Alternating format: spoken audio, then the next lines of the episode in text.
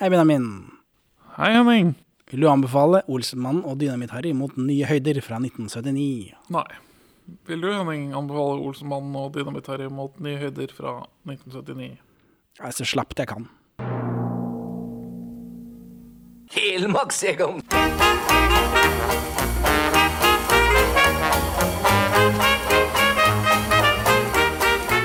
Perla for svin.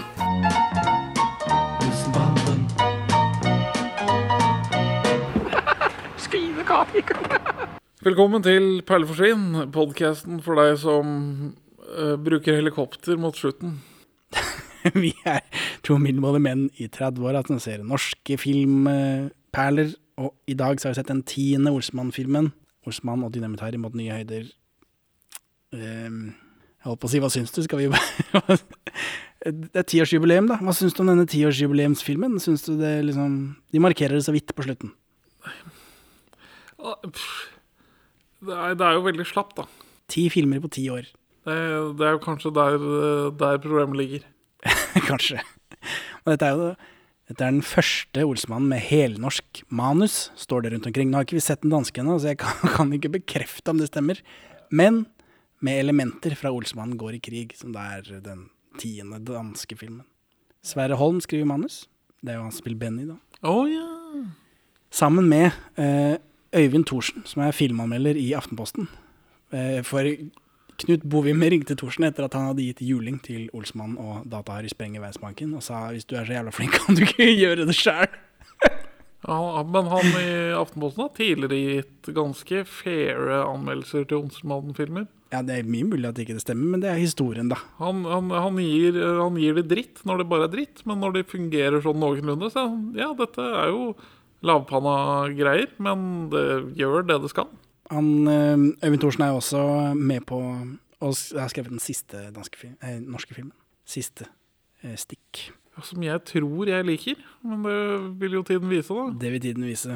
Eh, muligens fordi manuset var såpass norsk, så fikk denne filmen støtte av Norsk kino- og filmfond. Oi, oi, oi. De fikk 20 000 kroner til to ekstra kopier av filmen. Så for denne filmen så er det da 14 kopier som går sin rundgang i landets kinoer. Eh, og de to eh, ekstra da, de var øremerket småkinoer med mindre besøkstall enn 37 000. Så da vet du det. Vanligvis er det tolv kopier av en Olsenmann-film. Ja, ja, for jeg har jo l- sett det i arkivet at alle steder har verdenspremiere på Olsmannen. Det er lurt. Det er lurt. Da får du litt blest, da, vet du. Hvor mange var det som så denne, da? Nå som du vet at det er 14 kopier og ikke 12. 370 000. 478 000.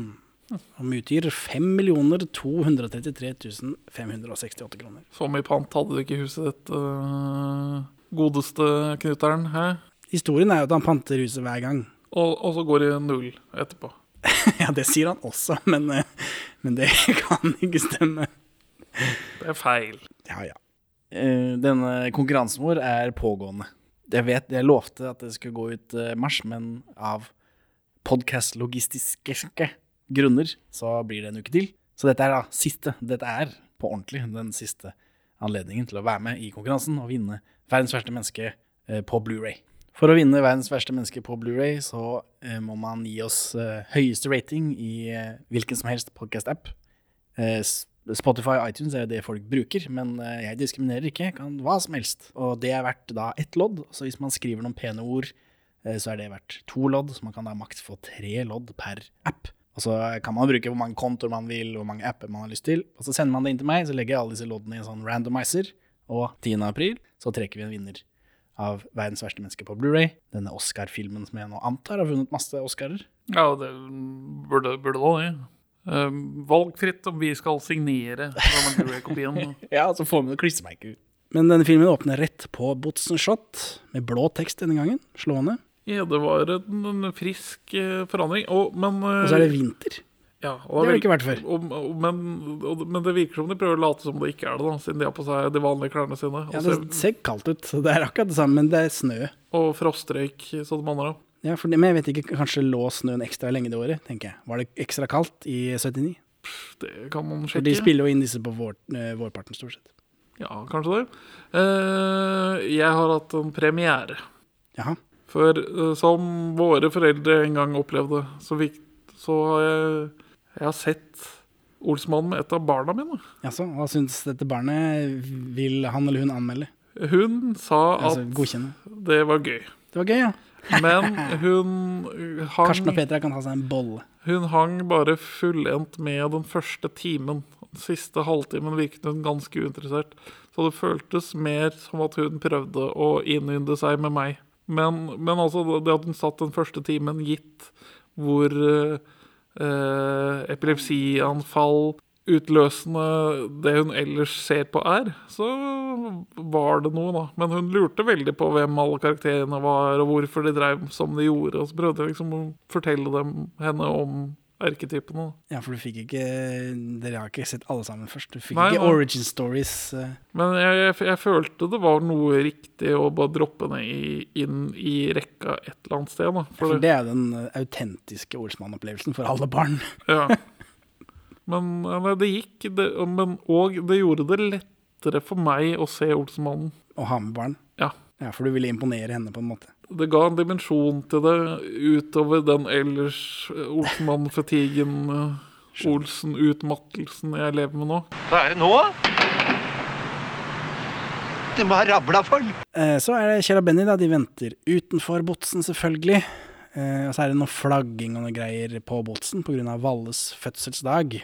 Så er det Ja. masse folk som blir frigitt, og Egon blir da kasta ut av botsen, for han vil være der inne. Så det kommer noen politifolk og hiver han ut. Så Inger Louise Valle og hennes kriminalmelding av 1978, hva er det for noe, eh, Benjamin? Så, eh, Denne, Grunnen til at det er sånn eh, generelt amnesti. på hen, I anledning av hennes fødselsdag, som Ja. den, eh, jo er noe sånn spark oppover. Men, også noe sånn, Politisk snert. men det er òg noe sånn kvinneforakt bakt inn i det. da. Ja, mest sannsynlig. Men hun Inger Louise Valle var en norsk arbeiderpartipolitiker som vi kan takke for eh, bl.a. forbrukerombud, og at vi har gått til å ha et fengselsvesen og justisvesen som jobber mer for rehabilitering enn hevn. Ja. Men hu- når hun hadde korrekt eh, stilling i regjeringen, eller i rett departement, så ga hun ut en kriminalmelding hvor hun påpekte at måten vi eh, driver og- med straff i Norge på, er ikke fruktbart, og vi burde heller angripe dette, dette, denne økte kriminaliteten ved å jobbe med samfunnet vårt, og de som da bryter loven, burde vi jobbe med å rehabilitere tilbake i samfunnet vårt. Og da ble det eh, ramaskrik. Denne Valledama er forbryternes beste venn. Det ble liksom Valledama som ble betegnelsen på henne og hennes bevegelse. Og da fikk hun, ble hun avskjediget fra sin stilling. Og så innførte man alle reformene hun hadde foreslått, siden det var jo mye smartere enn sånn vi holdt på før. Ja, det er ikke verst det, da, at de eh, skjønte at det var mye smartere enn sånn vi holdt på før. Selv om hun da selvfølgelig måtte gå i unåde. Så, men det er i hvert fall derfor Egon blir kasta ut nå et par dager for tidlig, for han sitter jo egentlig og venter på en advokat som skal overføres, så han kan få laga en plan. Ja, men det, det, dette, dette syns jeg er g- en morsom, et morsomt spill på den normale formelen. Det at Egon slippes ut før tiden, ødelegger for han. Dog vi har sett han slippe ut før tiden uten at det har vært et problem tidligere. Da satt han inne til å begynne med sammen med advokaten, ikke sant. Ja, Men det er morsomt at han trenger hele den tida da, for å få planen sin på plass. Og Kjell påpeker da at Egon ikke har med seg en pakke, så det blir ikke noe trehester denne runden her. Det, for til å begynne med så var det dalahester i den der pakka. Ja, Hadde det var ikke noen planer oppi der. Men så har det bare mutert uten at noen har sagt det høyt. ja så, så De har gått fra å spikke til å spikre paller, og det er liksom ikke så fint å ta med paller. Nei. Det er 80 kroner for en europall, da, i pant. Kanskje 100 kroner også nå. Kjell og Valborg, eh, da er vi hjemme da, selvfølgelig. Kjell og Val- Valborg vil gjerne ha en plan. Egon har ingen plan. Så er det amnesti og sånt nå. Er det smittsomt? Gøy. Er det det? Nei. Nei. Jeg syns hva må ha med barnet. Likte hun ordspillet på amnesti? Nei. Svære greier! Mange millioner! Og så sprekker hele greia på grunn av gjebbbursdagen til hun derre Valle! Amnesti! Pah! Amne hva for noe? Sti! Er det smittsomt? Eh, men Benny har en plan, da, så da de er ute og går på kaia. De er ikke hjemme, beklager.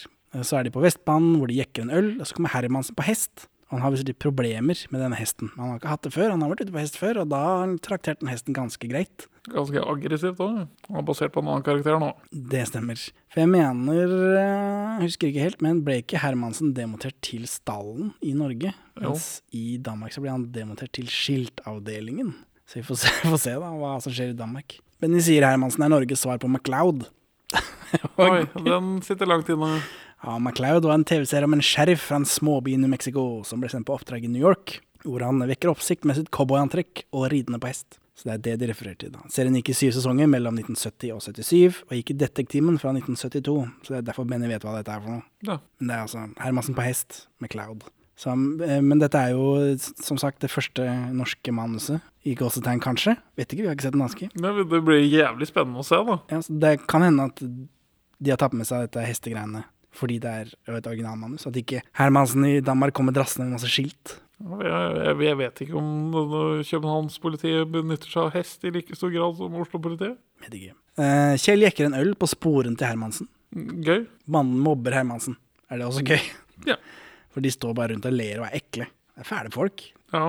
Det er klart. Eh, A-cab, da, men eh, allikevel. Eh, og så kommer Hermans kvinnelige sjef og roper han av gårde. Så her er det noe Jeg vet ikke hva det er, jeg. men bra er det ikke. Nei, bra er det Det ikke. blir verre etterpå. Det blir mye verre etterpå. Egon ringer til Botsen, for Egon skulle egentlig ha møtt denne advokaten der for et par, om et par dager. eh, Og Bennys plan er å rane Holmenkollen på Holmenkollsøndag. For der er det en Frans Jæger, selv om det var tomt for Frans Jæger i Norge i forrige film. Ja. En gammel Frans Jæger, sier han, men selvfølgelig er det gamle. Ja, men det kan ha blitt eh, avhendet på bruktmarkedet. Det er en de tidligere har brutt opp. Hvem vet, Jeg skjønner ikke hvorfor de sa det var den, at det ikke var flere i Norge For det, i de den forrige skulle- filmen. det- Den for- forrige filmen skulle være sånn data og hipp og kul. Ja, ja. ja. At de skulle bytte Sonetall og sånn. Det, var ikke, kun- det er ikke sonetall på Frans Jæger. Og så er bandene i Holmenkollen, hvor de har hoppnummer og urgamle ski. Kjempemorsomt, fordi de må skli inn i mengden. Ja, men de har numrene 7, 9, 13. Det samme som på disse boksene fra forrige film. Ja, Og så det, for det er en sånn bank i bordet-regle i Danmark. ja. 7, 9, 13. Men dette er jo hund... Skulle man tro 100 tatt, f- eh, altså laget, skrevet for Norge. Det er Holmenkollen. Har, har de hopp, skihopp i Danmark? Nei, hva faen skal den danske ekvivalenten her? En eller annen sånn øldrikkingskonkurranse? da? Jo, men hvorfor, hvorfor har de norsk, Hvorfor har den norske ordensmannen påkledd seg referanser til Danmark? Er det bare for gøy? Er det bare for å Har vi- fucke opp har vi- med oss her 50 år senere? For jeg tror ingen andre i hele verden som hadde plukka det Nei, ut. nei, det var da veldig rart. Men, men. Ja, her er nok en kongefamilie-cameo. To filmer på rad. Men nå virker det som at kongen faktisk blir involvert i det som skjer eh, senere. Hva Altså, hva tenker du på? Ja, for den- den- den- Denne scenen har jo det samme problemet som eh, Olsmannen på 17. mai. At det er geriljafilmet?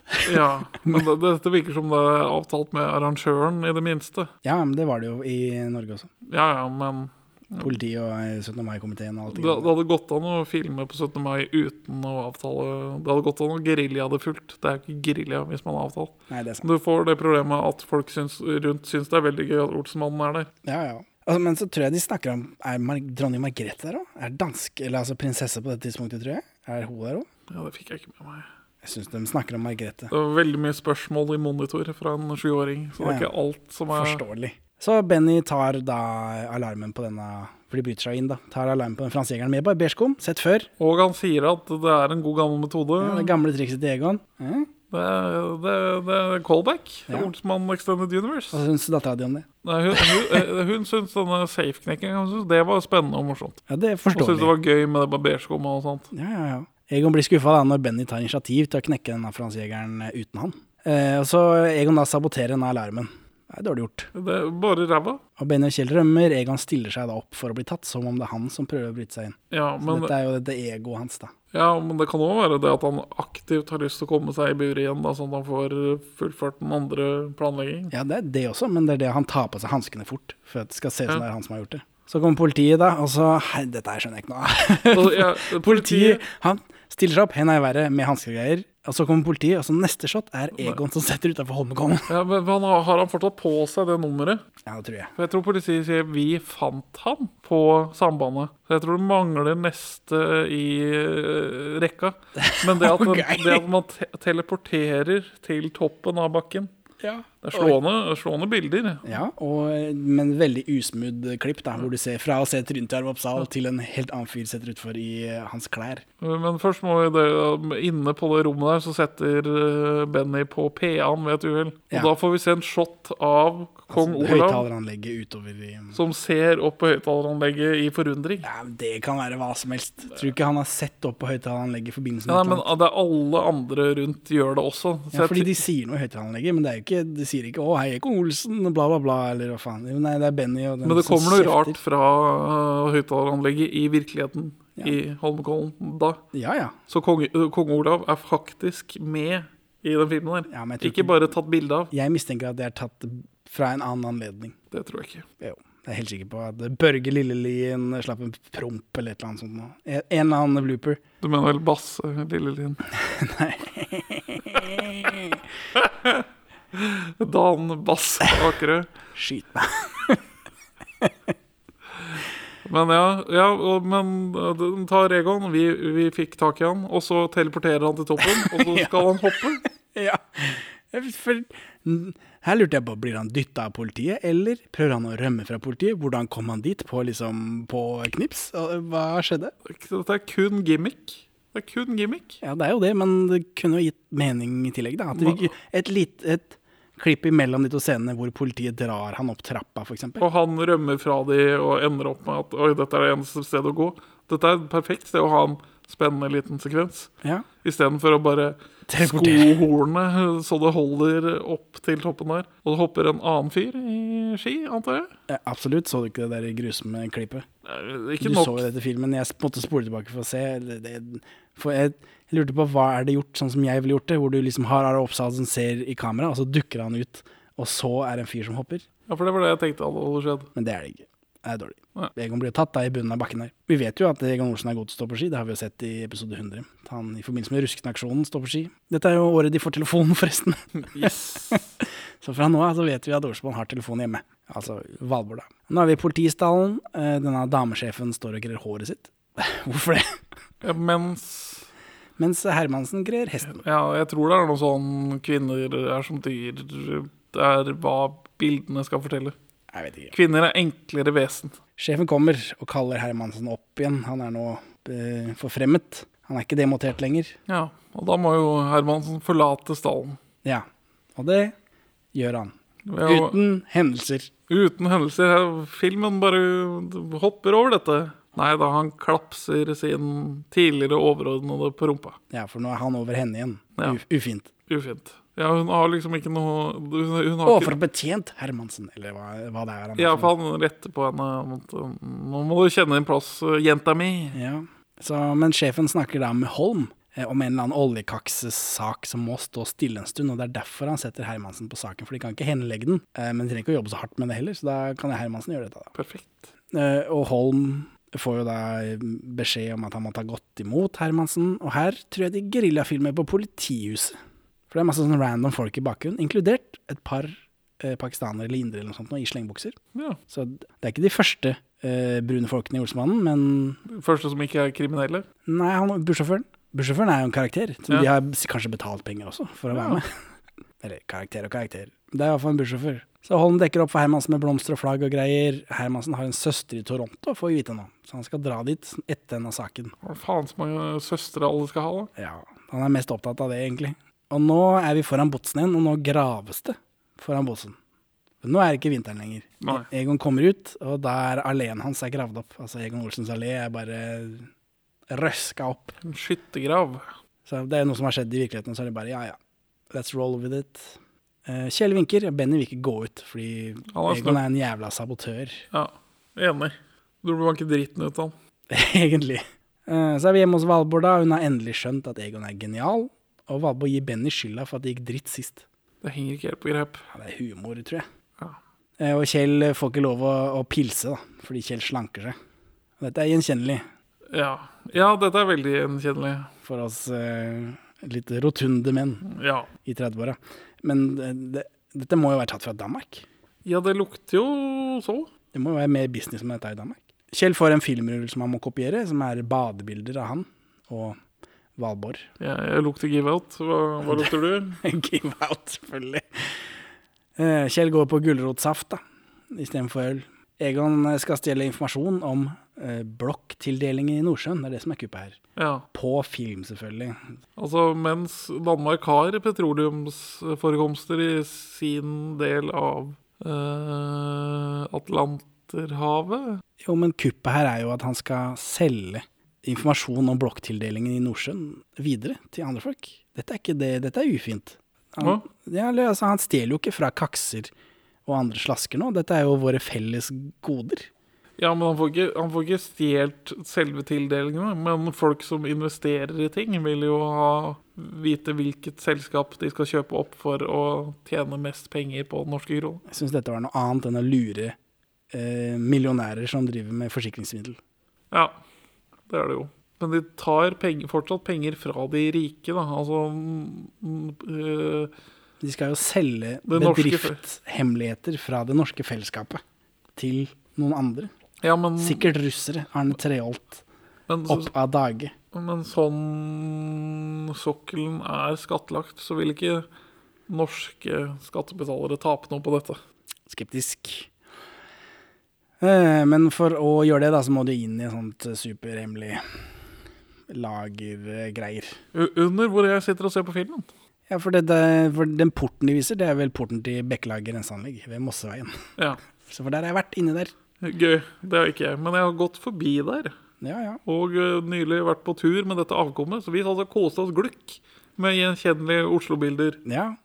Ja, det, det, det går over generasjoner. Dette. Da er det 50 år siden filmen ble spilt inn, og ennå så kan far og barn glede seg over å se gamle Oslo. Mm. Det er en greie, det der. Eh, men eh, de vil ikke gå inn der, for det er veldig vanskelig å gå rett inn. Så de roter rundt eh, og finner en hule under krigsskolen eller sånt nå, og en hemmelig dør inni Nei, der. Sjømannsskolen, som i dag ø, opererer som videregående skole. Ja. Ligger ikke så langt unna Ekebergrestauranten.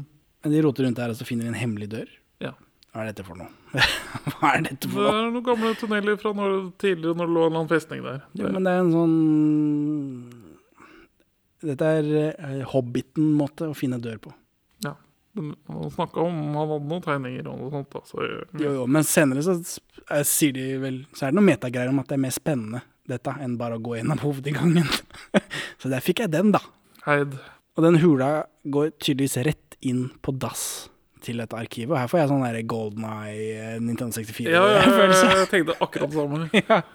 Eh, og så- men så kommer det en fyr inn, da, når de har liksom klatra inn på dassen der sånn. Og så da må banen late som de tisser. Og så er ikke, det, de tisser ikke på ordentlig, da, så vi får ikke enda en opptrekning av smekken til eh, Egon Olsen. Så det var jo trist. Men Hva de syns får- barna om dette? Hva syns barna om dette? Tissehumor. Eh, eh, ja, hun syntes det var mest interessant å lære om urinaler, eh, dette, for dette har ikke hun opplevd så mye. Å nei. nei. Nei, det Ja, ja. Men, øh, men denne, dette er en scene som ikke Det skjer ikke noe. Nei, det, det tar bare lang tid. Det er litt sånn ja, Han fyren bruker lang tid på å vaske hendene, som de må liksom gjemme seg for. Altså, De må fortsette å late som de tisser. Han bruker lang tid på å tørke hendene. Han vil ikke smalltalke med Kjell. Nei, det skjer ikke noe. Nei. Eh, og så går han ut bare, og så går banen ut selvfølgelig, og så er det en sånn fancy dør der, og der har Egon har tipperesultatene, er koden, så da slår de inn det. Tatt fra Danmark. Hvem vet? Det føles som en sånn typisk greie å stjele fra Danmark. Ja, men har de Veldig- samme tipperesultatene i Danmark da? F- Fungerer det på samme måte? De har en fotballiga i Danmark. Hubb, bubb, behu og u. Ja, Ikke tipperesultatene, tippeforslagene i Aftenposten. Ja. Egon har fortsatt dårlig syn da. Eh? Henger sammen Oi, oi, oi. fra film nummer syv. Og så er det en sånn sjefsgubbe som alltid kommer klokka fem på tolv med en universalnøkkel for å låse opp en av disse boksene. Og dette vet Egon, da. Fordi han skal inn i en annen boks, men han trenger den universalnøkkelen. Ja. Så når denne sjefsgubben kommer, så velter de en masse permer, som han eh, sjefsgubben rydder opp i dette. Og da ser banen sitt snitt og tar nøkkelen og åpner boksen og tar filmen. Og så her tenkte jeg liksom, hva er dette? Hvorfor skal han gubben inn der hver dag? Og Det er fordi han har sprit i den boksen. tenkte jeg, ja ja, humor det da. Og så gir det mening senere, fordi klokka tolv i dette kontoret, da er det gymtime, og det er han, sjefsgubben her, han er leder for denne gymtimen. Så han må ha denne pinnen før han gjør det. Og det tenker jeg, wow. Det hele dette henger sammen med liksom med With a bow. Mm. Og øh, ø, Med sløyfe på. barnet mitt syntes det var kjempegøy at han bare skulle inn i skapet for å drikke vin. Å ja.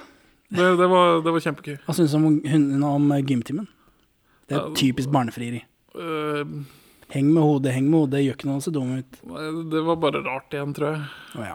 Men hun, føl, hun fulgte med. Ja, ja, ja. Hun så, så på. Hun trengte ikke noe blinkende lys for å være underholdt. Neimen, er det ikke vår gamle venn Hermansen, da?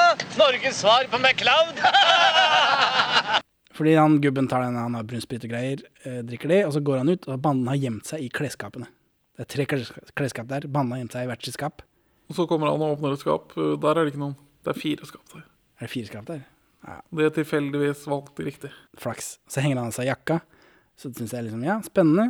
Men så gir det, det blir hev enda mer etterpå når det er for, han henger av seg jakka fordi han skal ha denne gymtimen. Men det vet jeg jo ikke da. Så jeg syns ja, ja, spennende, helt ok. Og så topper det seg etterpå. Bare, wow! Dette må jo være tatt fra Danmark.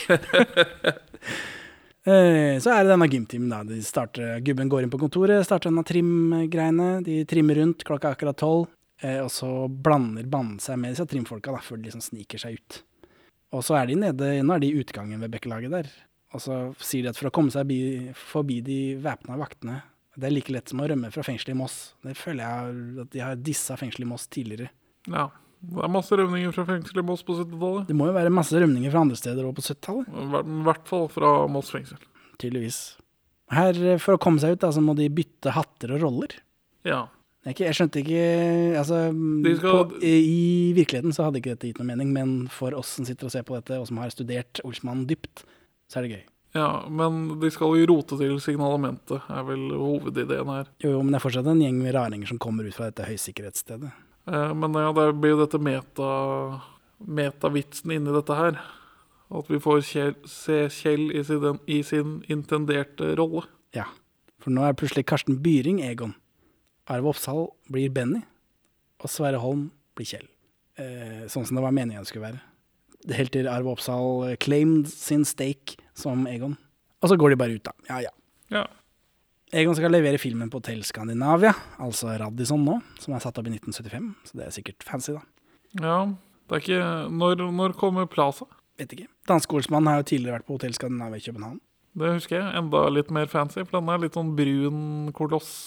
Eh, Det, det virker ikke så veldig fancy. Egon eh, går opp der, da, og så er det Lasse Kolstad som åpner døra på hotellrommet. Kjenner du han? Ja, Hvorfor det? husker ikke. Det er broren til Henki, da. Det kunne jeg nesten gjette. Han er fortelleren i Det julekalender. Ja. Det var en mørk og stormfull aften, osv. Han er også fortelleren i Dickie Dick Dickens. Bare vent, Olsen. Husk, det går flere tog. Å, har du tenkt å begynne med jernbanen? Ja, du husker åssen det gikk forrige gang du var på sporet? Biffen Benjamin. Han er en, eh, en del av min oppfattelse av Olsmannen. Er det sånn for deg også? ja. Nå er vi ti filmer inn, og vi har sett han to ganger. What the fuck? Han er ikke med i den 14., husker jeg. Det er noe, hadde jo vært supergammal. Han kunne vært med, han var jo i live, men han, jeg tror ikke han er med i den- i den 14. Det er tre filmer til, da. Det begynner å Det det er et, det er et eller annet som skurrer med bildet man har av Olsmannen. Det er rart han står så sterkt. Ja, men han har jo karisma i bøtter og spann, og er ikke bare revyskuespiller. ja, men ja, ja, men det er jo derfor, men det er, jeg, blir, jeg blir overrasket over at han er, er med så lite. For han er ikke med i denne filmen, da. Eh, Jeg antar han bekler Lasse Kolstads rolle. Ove Verne Hansen er ikke Biffen-karakteren, kanskje. Ja, det skulle man tro. Forutsatt at dette er en remake, da. En remake-remake, ikke bare en film som tar elementer. Jeg, Ehm, jeg tipper den er er gjort på en mye billigere måte. Gitt et par hint og gitt ut tidligere. Eh, Jeg har gitt ut. Ja. Ja, det Hva har jeg sagt for noe, da? Om at øh, de norske filmene blir øh, går bort fra danske manus når de danske blir for dyre å realisere. Og sånn, ja. ja. eh, ja men jeg har, jeg har ikke sett en aske, så jeg har ingen spes spesifikke ting.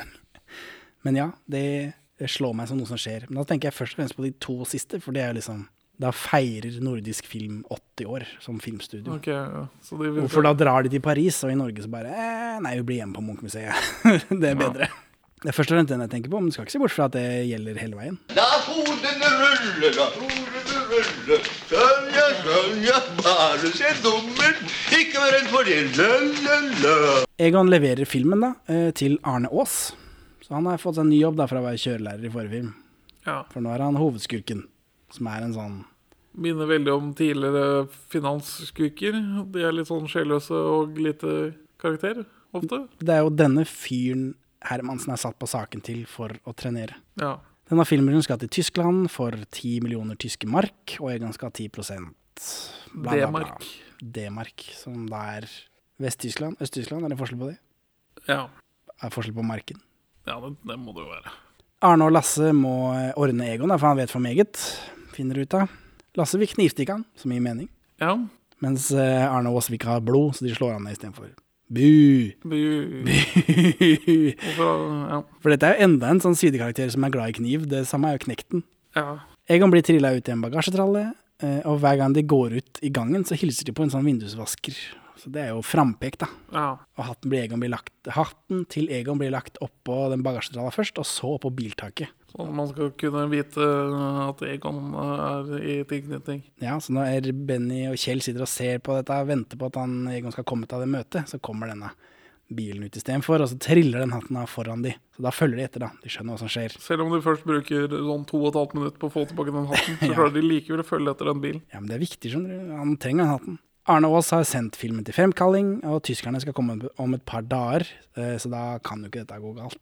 Ja, nei, nei. Benny og Kjell er på kaia, og der er det et skummelt hus. Ja. Sånn spøkelseshus på Tusenfryd-aktig hus. Eh, og Lasse Kolstad, Kolstad skal gasse Egon. Aggressivt. Ja, mer aggressivt med kniv. Ja, men den blir ikke blodig, da. Han følger jo bare ordre. Ja, det er sant. Og her, Kjell er dårlig i magen av gulrotsafta, sier han. Kommer aldri tilbake. Ja, det kommer en prompelyd. eh, Kommer det en prompelyd? Det er derfor- Nei, det, det er ikke lukta av gassen de reagerer på. Nei, det kommer en sånn blubb-blubb-gasslyd, og så reagerer Benny på det, og så sier Kjell eh, unnskyld, jeg har dårlig i magen pga. Ja, Hva syns barna om dette? Det, det virka underholdende. det, det er alt eh, Olsman kan Men hoppe den på. gassmyrdingen virka litt sånn vel dark igjen til Ja, det er veldig mørkt r- i området. er veldig mørkt også. ja.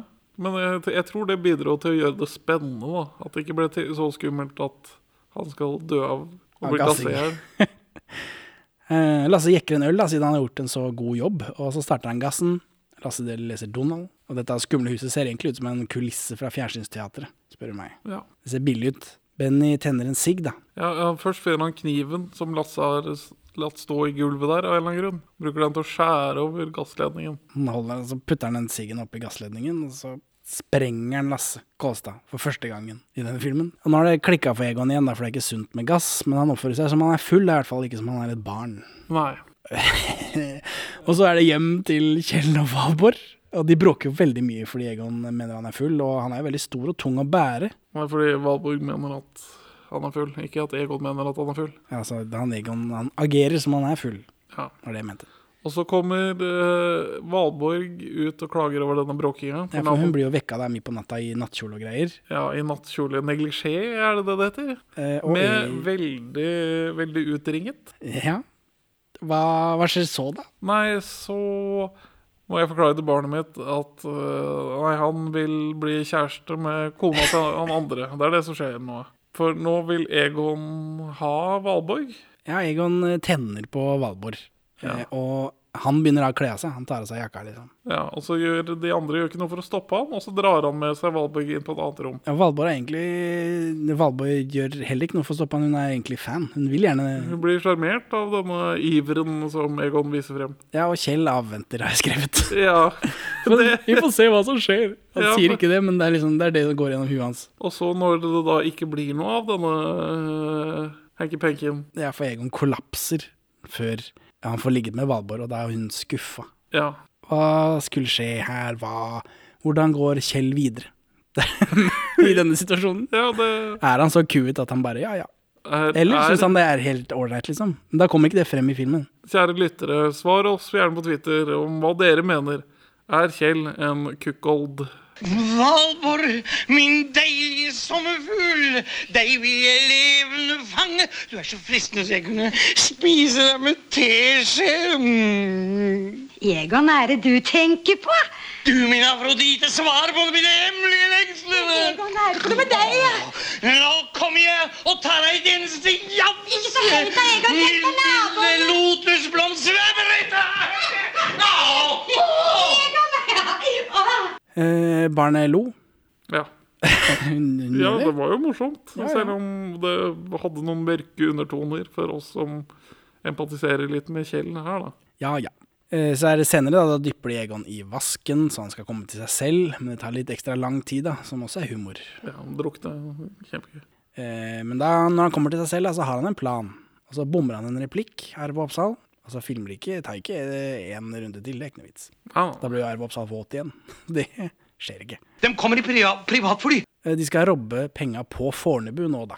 Fordi tyskerne kommer med privatfly på Fornebu, og da skal de bare de skal inn der og bare ta pengene, da. Problem løst. ja. Og for å gjøre det, så må de dra inn dynamitt-Harry. ja. For han har fast jobb ute på Fornebu som dynamittgubbe. Ja. Ja, det er gubbe, kubbe, det syns jeg var gøy. ja. Så han leder et eller annet lag, men han har fortsatt den der slitne blazeren sin. Ja, men her ja, Jeg syns eh, Harald Heidsten ser bra ut. Han ser ikke helt knust ut. Han er sånn gladtjukk, bare. Ja, han ser ikke, Det er ikke like trist å se forfallet hans. Nei. Nei, jeg vet ikke. Ja, det er mindre forfall, kanskje. Jeg vet ikke.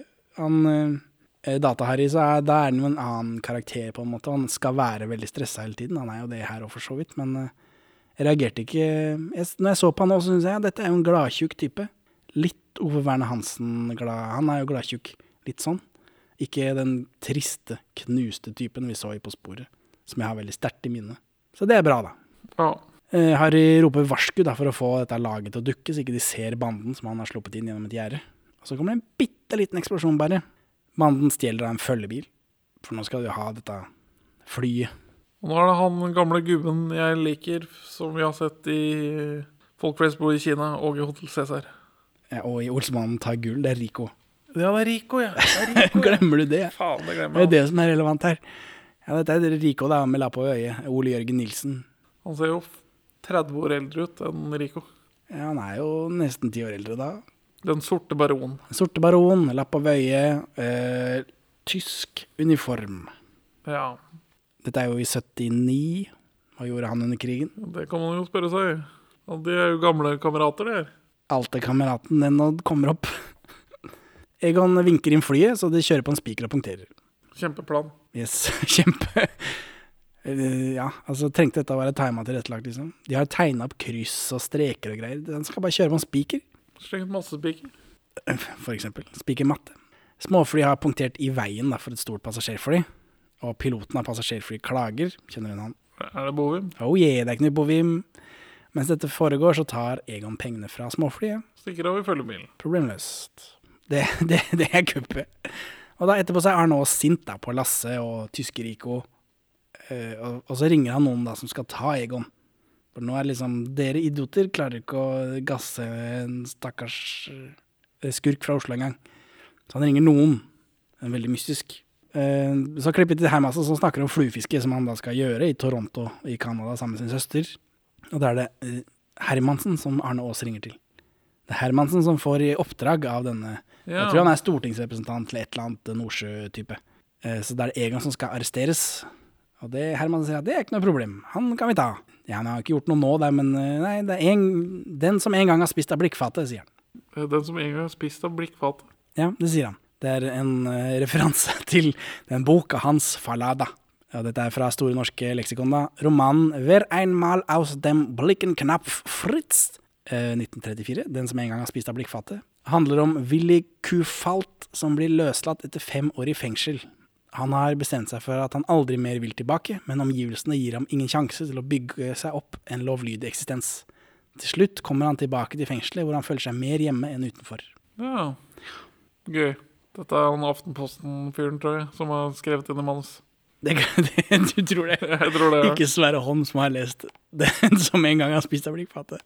Eh, og så, eh, ja, eh, for Hermansen sier den som en gang har spist av blikkfatet, og så klipper vi direkte til banden som har et etegilde. Ja. De tø- stapper i seg. Det er en film med et visuelt medium. Godt gjort. Ja, og Valborg har laget dette, da. Dette har vi sett en gang før også, at Valborg kan liksom lage Kan diske opp. flotte gilder. Eh, men Kjell får bare brokkoli, som er humoren, da. Benny sier at brokkoli vokser på Mallorca. Og etterpå, når de, liksom, de skal rømme til Mallorca, så blir Benny litt redd for er, Eller Kjell blir litt redd for Vokser det faktisk brokkoli på Mallorca? Da vet jeg ikke om jeg vil være med. Ja, For nå skal banen gå under jorda også. Så det Ja, for nå har de jo pengene.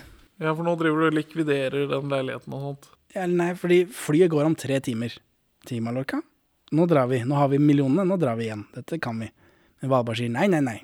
Vi, må, f- vi skal ha med oss tinga. Det er fly- Dette her er gjennomgående i Olsbanen, at Valborg alltid skal ha med seg alt de eier. Ja. Det er en typisk s- småborgerlig greie. Jeg vet ikke. De skal ha flyttebil og greier, så de kan ikke dra om tre timer. Og her vil ikke Kjell til Mallorca. da. Brokkoliens land. Ja. Politiet kommer, bandene rømmer. Samme som alltid. Asse Kolstad eh, trekker ned hatten til Egon. For nå er jo politiet faktisk ute etter Egon denne gangen. Vanligvis når politiet kommer på besøk, så er det noe annet de skal. Og de rømmer allikevel. Like jævlig. Men Lasse Kolstad trekker ned hatten til Egon, og så tar Lasse tar Egon i buksebaken og, s- og i kraven, og så dytter han mot politiet. Og så tar denne tyske, tyske og tar kofferten, da. Og dette skjer mens Benny og Kjell henter bilen som de da skal rømme fra politiet med. Og så får Altså, Egon får opp hatten, politiet løper etter Egon, og så blir han visst borte. Borte i løse lufta, sier de i politiet. Og Hermansen sier området må finkjemmes. Ja, for nå får vi en sånn slags eh, chase-sekvens. Ja. For nå er Egon på rømmen i Oslos slum. Dette er gøy å se, vel. Ja, litt i hvert fall. Gamle, kule hus, som sikkert er revet nå for å lage blokker. Naturligvis. Eh, Men Egon gjemmer seg til slutt i en søppelkasse, og så kommer det en dame som kaster ask av matavfall i søpla. Hva syns barnet? Eh, det var gøy. Bra. Det er riktig reaksjon av henne. Men jeg måtte liksom lede meg, siden, siden mye cinematografien ikke er så god, og ikke naturlig liksom leder deg til interessepunkter alltid. Så måtte jeg, Men se på, se på søppelkassa. Nå hoster søppelkassa ut eh, aske. Er ikke det gøy? Jo, for det er jo det er nesten gøy for voksne også. For når Benny og Kjell står der på utsida og ser at den søppeldunken spytter aske, da skjønner jeg at aha, Egon sitter oppi der. Nå trenger vi en eh, innfløkt plan for å få han ut av den søppelkassa. ja. Og da måten å løse det på er at Benny lurer noen søppelkjørere til å bære et tilfeldig skap som står nede på plassen der, mens han og Kjell da tømmer eh, den Egon-søppelkassa. Og jeg er helt sikker på at den ene, han ene fyren som har replikker der, sånn, det er eh, Eirik Øksnes. Han gamle gubben i Absolutt blåmandag. Og han er med i Operasjon Kobra. Han dukker opp oftere enn jeg hadde trodd. Det hadde jeg aldri hørt om ham før jeg begynte med podkasten her. Eh, Og i Nitimermordet. Han er han fyren med musene. Ja. Eh, Egon går rett i bilen. Altså, de hekter på den søppeldunken og tømmer den inn i bilen uten at de får noe, får ikke noe forklaring på at han kommer ut. De sier ikke noe etterpå at eh, Det er ikke noe sånn 'du lukter vondt', Egon, etterpå. Eh, Nei, nei. men det Det er var jo ikke noe bare- payoff for- på den scenen. Nei.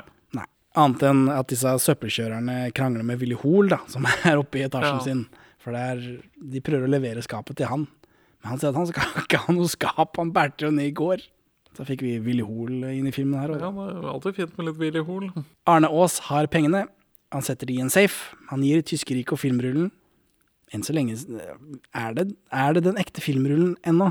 Ja, for den payoffen vi fikk på det rotet med filmrullen, det kom veldig tidlig. Jeg trodde det skulle bli rota til med en gang. Ja, det kom veldig sent, mener du? Nei, vi får, vi får vite at Kjell skal fremkalle en film. Ja, Det men, skjer veldig tidlig i filmen. ja payoffen, sa du. Payoffen kommer veldig sent, ja. Men give-outen kommer veldig tidlig. Ja, det var det. Da ble Jeg, det- jeg trodde den ble bytta om med en gang. Siden det kom ja, jeg så også tidlig. tenkte det hele veien. Men de gir seg aldri med å bytte om den rullen. Eller, Nei. og ikke på en sånn humormåte heller. Nei, det mangla liksom litt øh, at de bytta plass. At det skulle være noe som skjedde. Men nå er- får Tyskerriket og eh, filmrullen, da. Og i voiceover så sier Egon 'Den sorte baron har filmen'. Den rapper vi. Ja, og så får vi at Hvordan mente du han, det? det? det står det i manus. Ja.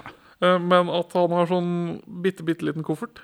Stor humor for eh, sjuåringen. Å ja. ja, men det er humor for alle. Men hvorfor skal, hvorfor skal Rico på sightseeing? Jeg vet ikke. Fordi nå er han baronen her på sightseeing foran slottet, da, ved statuen der av Karl Johan. Og bussen har kjørt helt opp. Ja, ja. det- Gjør de det ennå? Nei. Men eh, og nå, kan man, nå sitter jeg og barnet mitt i bakgrunnen av scenen og ser på filmen. For nå man kan så vidt skimte huset mitt i horisonten. Ja. Det, det var også veldig gøy. ja. Det er jo igjen en viktig del av å se Olsmannen. Er å kjenne igjen. Der har jeg vært, og der har jeg vært. Da. Sånn ser det ikke ut nå lenger. Nå Ja. koser vi oss. Her sier Benny, alltid kameraten til eh, Ja. baronen. Ja, og B- B- Benny innrømmer at han er eh, frontkjemper, er det det du sier? Nei, hva betyr alltid kameraten, da? At man er gamle kamerater og har tjenestegjort sammen? Ja, gamle ørn, er ikke sånn litt sånn gamle ørn? Nei, nei, nei. Nei. Alltid kameraten er noe spesifikt eh, og noe som handler om militært brorskap. Men de har ikke tjenestegjort Sånn sammen, som for da hadde, vi- jo han, da hadde jo han kjent han igjen. Nei, Vi Selv om er han jo, bare har ett øye. vi er jo alltid kameraten. Er vi det? Ja, Ah, jeg vedkjenner meg deg ikke. vi er forsvarsfeller. Men, eh, men det er jo gøy. Det, dette, dette skal rett inn i mitt arkiv. Eh, Ja, til denne Nürnberg-rettssaken vi skal ha på slutten av dette prosjektet. Kuku, pip, pip, kuku, mamma! Eh, Benny sier alltid kameraten, ja, og så har han en kikkert, og han titter liksom opp på slottet, og så sier han at det er en prinsesse i dusjen, prinsesse Solgull. Og så tilbyr han denne koff- eh, kikkerten da, til eh, Tysker-Rico, og så som har muskelminne på hvordan man holder kikkerter fra krigen. Men så husker han at han har bare ett øye, så han må holde den sånn feil. Og det er morsomt. Eh, Så, men i dette momentet da, så tar jo Kjell den bitte lille kofferten, og Benny stikker. Alle er glade. Jeg tror ikke tyskere ikke får se noen naken prinsesse, da. Solgull. Tvilsomt. Tvilsomt. Og Ragnhild røyker øya med tennene på tørk. Æsj a meg.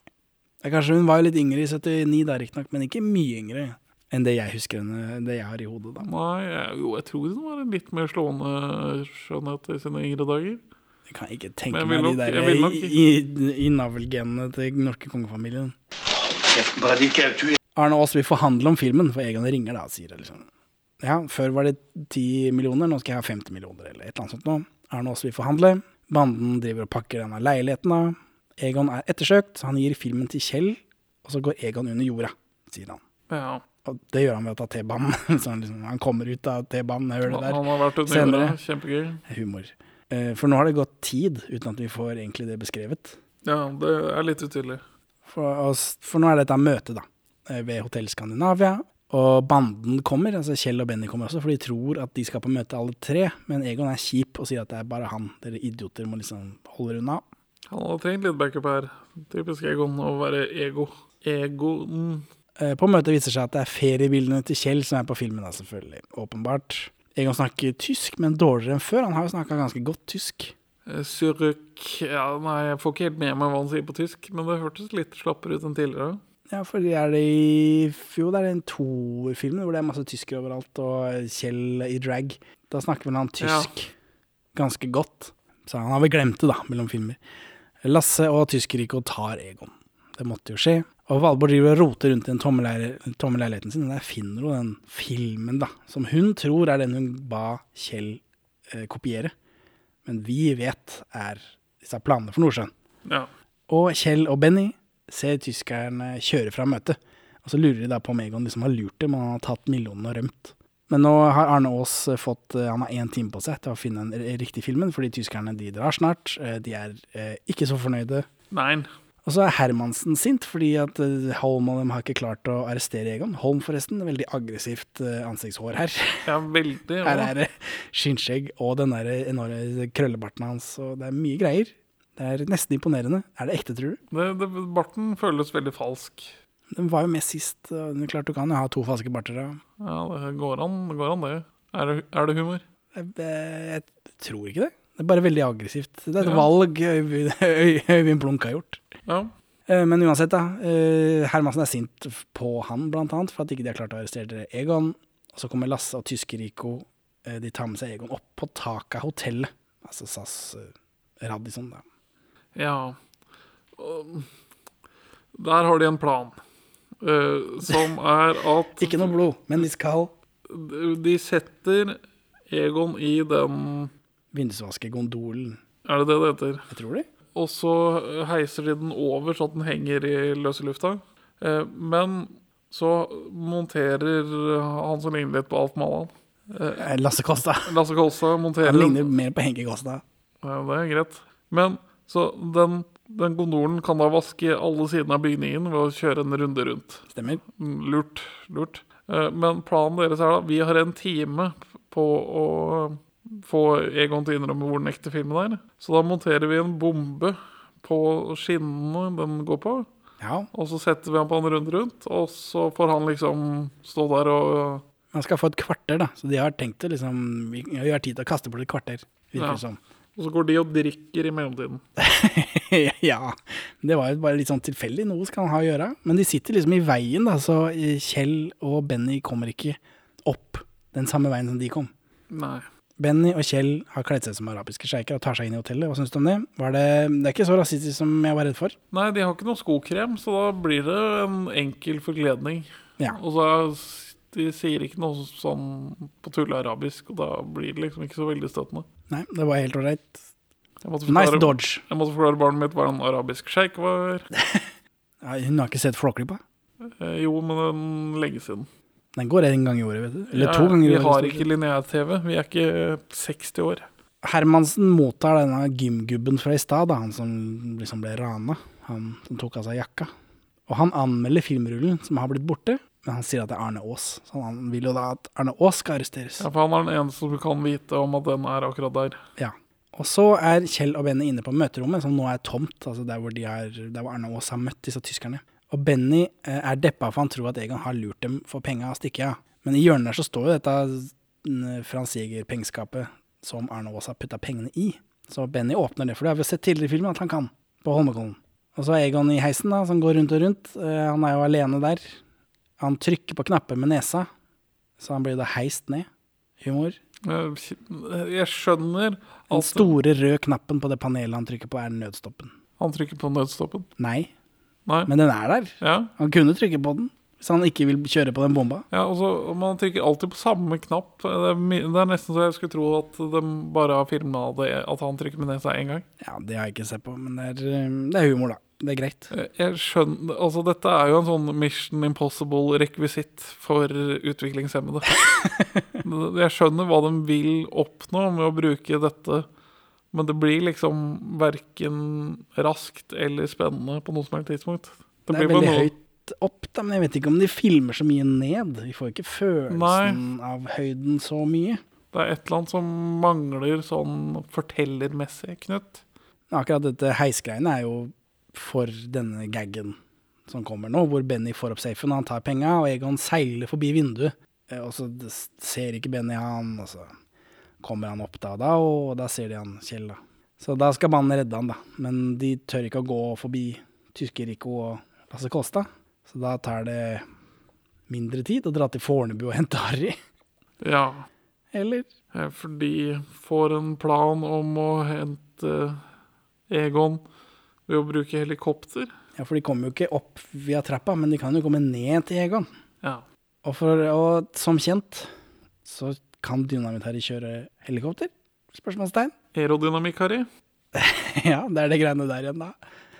Hva er aerodynamikk-Harry? Det, det, når vi skrev manus til Når du skrev manus til Olsenmannen The Gritty Reboot Ja, så var altså din eneste input at Dynamitt-Harry må rebootes som aerodynamikk-Harry. og være en sånn dronefyr eller noe annet. Ja. Noe idioti. Det er internhumor for deg og meg. Ja. Hvis ikke folk har begynt å like det til nå, så Nei, det ja. var det, da. Eh, Men Harry sitter og kjører sånn togbane rundt eh, eh, som han sprenger. Dette så gøy ut. Skulle ønske det var meg. tenkte Ja, dette lo jeg av. Dette koste jeg med. Jeg vet ikke om jeg lo av det, men jeg tenkte jeg skulle ønske det var meg. Hvorfor kan ikke jeg gjøre sånn? Sprenge, kjøre ting rundt og sprenge. Jeg hadde en sånn pyromanperiode som barn. Ja, jeg òg. Ja, jeg tror det er ganske vanlig. Men, men det, er jo, det er jo gøy å se Harry liksom leke med tog, og så sitter du bare og venter på at han skal sprenge det, og så får du det bekrefta. Ja, nei, så det er morsomt nok for meg. Ja, ja, ja. Men Harry vil ikke være med, da, for han har fast jobb nå og er liksom, han, han har det bra. Og her kommer det fram at han liksom Ja, men du kan jo fly helikopter. Har jeg sagt det? Sier han på sånn, for han er veldig Han er jo en nervøs type. Ja, Så jeg tok ikke noen notis av at han liksom var sånn For han bekrefter jo at ja, ja, ja, ja, hvis jeg har sagt det, så. Eh, så da tar han, eh, Benny og Kjell, og stjeler en luftambulanse. ja, er det det der? Ja, de sier det. Og Harry er jo ikke helt stødig, han er ute og flyr. Nei, han sliter litt. Det viser seg at han ikke kan fly Nei. helikopter. Han får det jo helt dugende til. Ja, det kan ikke være så vanskelig, det er bare den der pinen i midten. Ja, det er sant.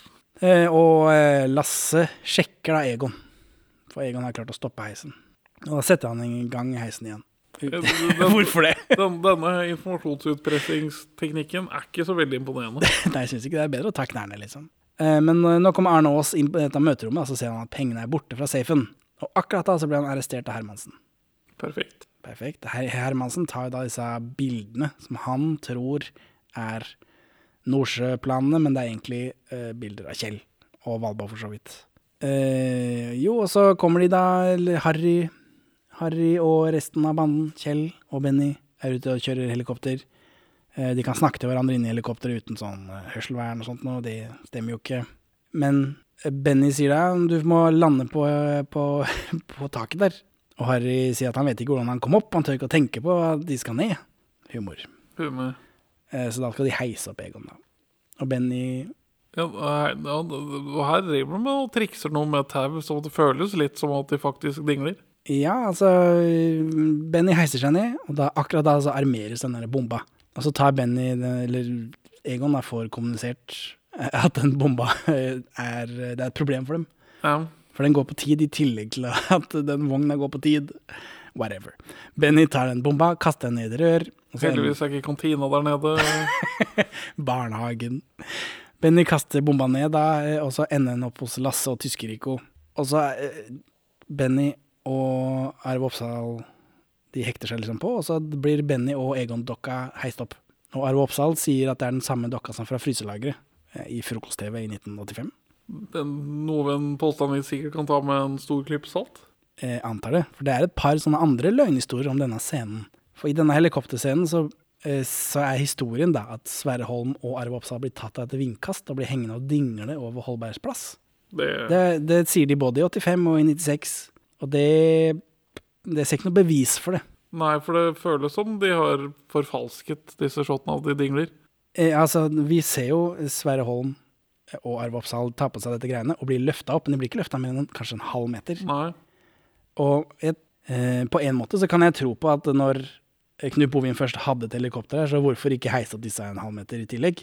Men på den annen side så er det jo mye billigere å bare ha eh, noen stagehands eh, med en vifte og en vinsj offcam, og, og gjøre det sånn. Og på den tredje siden, hvis de hadde blitt løfta opp så, ha- og heng, blitt dinglende over Holbergs plass, så hadde jo det vært i filmens tjeneste. De hadde jo ikke blitt løfta opp uten at kameraet var på. Nei. Da hadde vi også fått det med på film, Ja, for det er juicy greier. skulle man tro. Så det er tanker jeg har gjort, at dette gikk noe mening. Fordi det er de, Altså, Benny blir jo heisa opp, men det er jo Arne Berg, da, denne stuntmannen. Og dokka fra det fryselageret. Kanskje. Kanskje. Arne Berg, forresten. Sånn Evil Knievel, eh, Evil Knievel-stuntmann.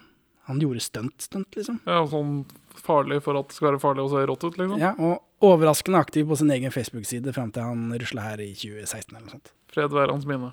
Og så er det en annen sånn historie som blir gjentatt ved gjenvendende rom. eh, At Arve også ble hengende i denne heisen, altså den gondolen, på bursdagen sin mens folk tok lunsj. At de glemte den der, for han er bakbundet og kneblet. Og dette sier Knut Bovim da i Da Capo eh, i forbindelse med Arve Oppsals 75-årsdag i 1996. Arve er jo Han er jo kneblet og bakbundet, men eh, han kan ikke være så bakbundet og knebla at han liksom kan, må bli hengende igjen der. Nei, det ser man jo ikke for seg. Det, Det er jo film, dette. Det er, ikke- de er jo ikke, han er ikke liksom kneblet og bundet på ordentlig. Nei. Det, det høres bare ut som piss. At de prøver å l- lage Det er noe ut- mytologi, da. Ja. Hva tror du? Nei, det høres ut som piss. OK, bra. Da er vi enige. Ja, Nei, jeg har ikke noe mer enn at det høres ut som piss. Bare, jeg er bare veldig skeptisk. Det er disse historiene vi møter om stunts støtt og stadig skal fortelle. At det liksom er farlig på ekte, og så har det liksom aldri vært det. ja, eller jeg vet ikke, jeg vet ikke hvorfor, men det er dette mytologigreiene. da, At Knut Bovim må pantsette huset alltid, og, og det er farlig stunt, så det er liksom Det er noe rundt det. Vet ikke. Men i filmen i hvert fall, så er det en eksplosjon, fordi denne bomba går jo av inn i dette rommet til Lasse og Tyskeriko. Eh, De lever, da, men er slitne.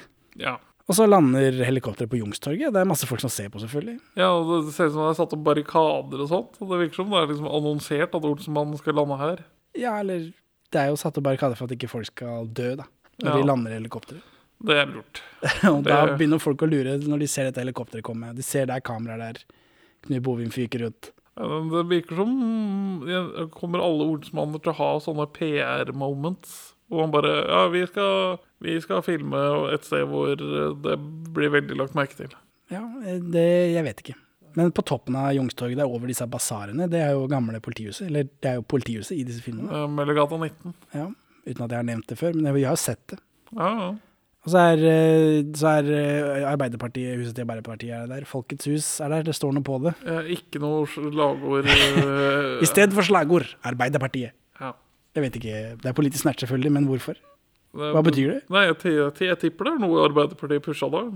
De var motstandere av at de prøvde å skille seg ut fra sånne gimmicky slagord ved å ha et sånt metaslagord. Du tror det? Jeg tror, Tror det. ikke det er bare noe Knut Bovim har hengt opp? Jeg, jeg tror ikke han får lov til å henge opp hva som helst på Arbeidernes hus. Han får lov til alt mulig rart. Filme kongefamilien og alt mulig rart. Det hadde Ja. ikke forundra meg, samtidig som jeg skjønner ikke humoren. Nei, jeg, jeg tror det er et Og eller så annet skjønner Altså, jeg, he- men jeg samtidspolitisk- skjønner ikke hvorfor skulle Knut Bovim ha insert, for det er et veldig spesifikt insert av det eh, banneret, eller hva det er for noe. Hvorfor skulle han ha det? Han er ikke noen Arbeiderpartimann. Nei, det syns jo godt da, når du filmer på den plassen der, da. Men det er insert.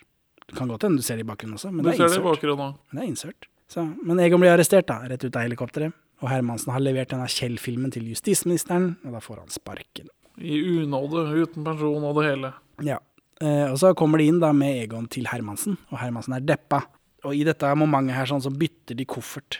Hermansen får jo da pengekofferten, mens eh, Egon får fiskekofferten til Ja, Hermansen. Altså, for Olsen og Egon får lov til å gå fordi det, det blir for stusslig at sånne små, ta- talentløse småfisker skal tas, mens storhaiene slipper unna.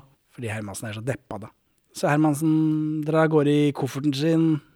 Eh, han òg drar av gårde i kofferten sin. Han drar av gårde i taxien med kofferten sin.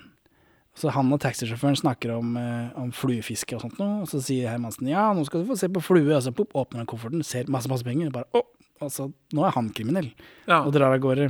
man sk- jeg skjønner kanskje vel at pengene stammer fra noe kriminelt, da, og dermed Ja, han er jo ikke politimann lenger. Nei, han er jo av, avskjed i unåde, så jeg skjønner at han er litt bitter. Ja, men Er dette siste gang han er med? Han rømmer til Canada, det gjenstår å se da. Det gjenstår å se. Han dør vel om ikke så altfor lenge heller. Det gjenstår også å se da, eller skal jeg spoile alt for deg? 1985 Er det han dør, tror jeg? Det gjenstår å se da. Det gjenstår å se. Vi får se. Det er ikke 1985 i hvert fall. Eh, så, men Egon, da. Egon tusler jo der rundt i Oslos gater. Han er deppa. Han føler seg mislykka. Så han begynner å knuse porselen i en butikk for å bli arrestert. Ja. Og det er Porsgrunns Porselans AS sitt fabrikkutsalg ikke så langt unna Botsen. Han er eh, en jævel på å kaste stein, i hvert fall. Han er ikke for dårlig på å kaste stein. Nei, han er gjettegod til å kaste stein. Og- Men er det produktplassering? Det hadde ikke forundra meg. Det, føler, det er veldig Men samtidig, hva logoete. annet skal du knuse, da? Nei, nei, men det er jo veldig logoete. Kan hende.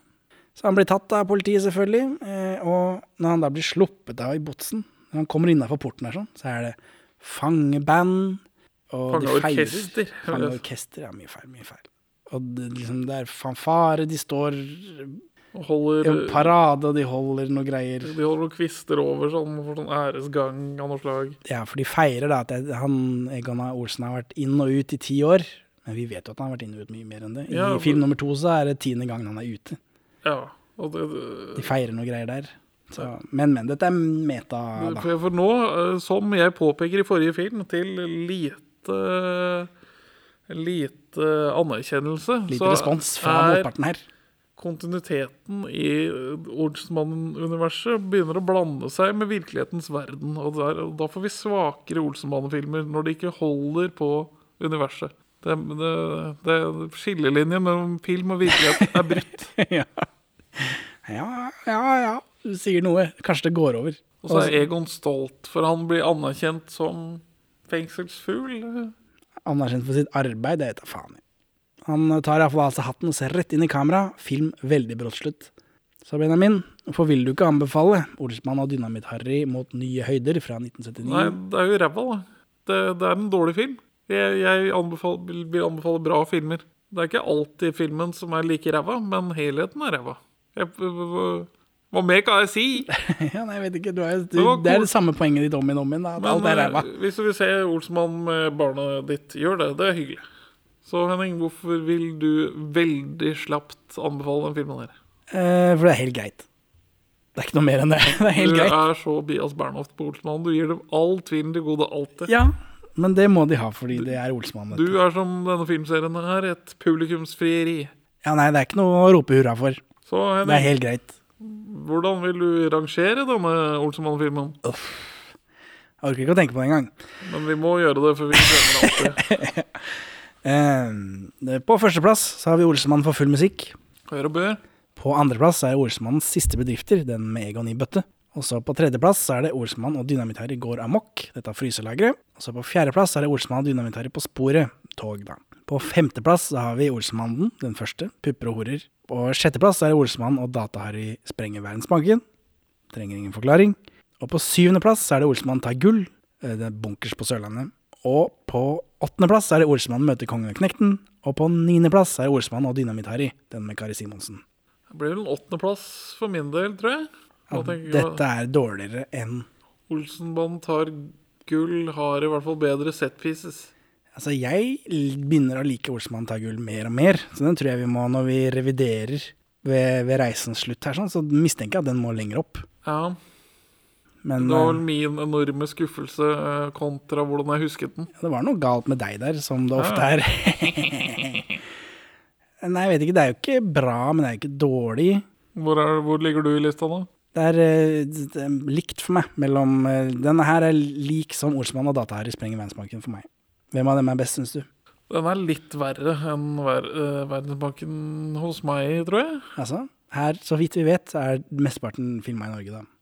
Eh, Eller filmet for ja, den Norge. Har, har jo en viss sjarm, da, men det, den fungerer jo min, altså den er enda mindre helhetlig enn ja. Vi slenger den inn under, vi. Da blir det syvendeplass. Olsemannen eh, og Dynamitharry mot nye høyder på plass nummer syv. For nå, eh, med denne listen, så mener du at den er bedre enn gull. Sånn som han ser ut nå, men det er fordi at den eh, gullfilmen må vi bare flytte opp senere. For jeg tenkte egentlig den var under gull, ja da. Men det Ja, Vi kan godt legge den under der, da, for den må jo flytte seg likevel. Da blir det Men da tar vi den under Olsemannen tar gull. Da blir det åttendeplass på Olsemannen og Dynamitari mot nye høyder. Jeg må bare prompte denne konkurransen igjen. da. Man kan altså vinne Verdens verste menneske på Blu-ray eh, fra oss med å sende inn screenshot av rating og eller en beskrivelse av podkasten. Konkret hvilket tidspunkt er det konkurransen går ut? 10. april. Send inn i dag. Ha det bra, Benjamin. Farvel, Henning. Takk for at du hører på Perler for svin. Du finner oss først og fremst på perleforsvin.no, men også på Twitter under perler-for-svin, Facebook som perleforsvinpod, eller du kan maile oss på perleforsvinpod at gmail.com. Gi oss gjerne en eh, rating i din lokale podcast-avspiller, og, og legg igjen en beskrivelse, så folk skjønner hva det er for noe tull vi egentlig driver med. Her er ukas Pål Bang-Hansen-sitat ute av kontekst. Men det er ikke sikkert at Sofies valg bringer henne noen Oscar likevel. Kjell, les. Viking Brann H. H. Moss Lillestrøm H. Det er vel noe sludder, eller? Lillestrøm taper aldri den kampen der. Det er jo klar B, det der. Hold nå smella på deg, du! Fortsett å lese, og så leser du bare markeringene forfra. H. H. U. HB. Og så er det B. H. U. U. U. BH. B. Nå fikk vi i hvert fall tolv rette for en gangs skyld. Speaking roll. Nei. Si- jo, jo, eller han kanskje sier- nei, Det er iallfall uh, spising roll. Spising- han får, spising han får roll, wow. lunsjen sin. Wow. Speaking roll. Hva med Harry? Han er fast jodda ute. Som dynamittgubbe. bygger i Bergen, men vi skal minere dem alle her ut. Ty mens vi springer, muntre og vi springer, miner, sprenger vi Bergen i luften med krutt. Reise dette tøy opp av alle jordens bunne treller. Hei, li, hei, lå. Kom igjen, gutter! Kom igjen, gutter! Hva er det det het på norsk igjen? Du har sagt det før. Gjøk. Nei.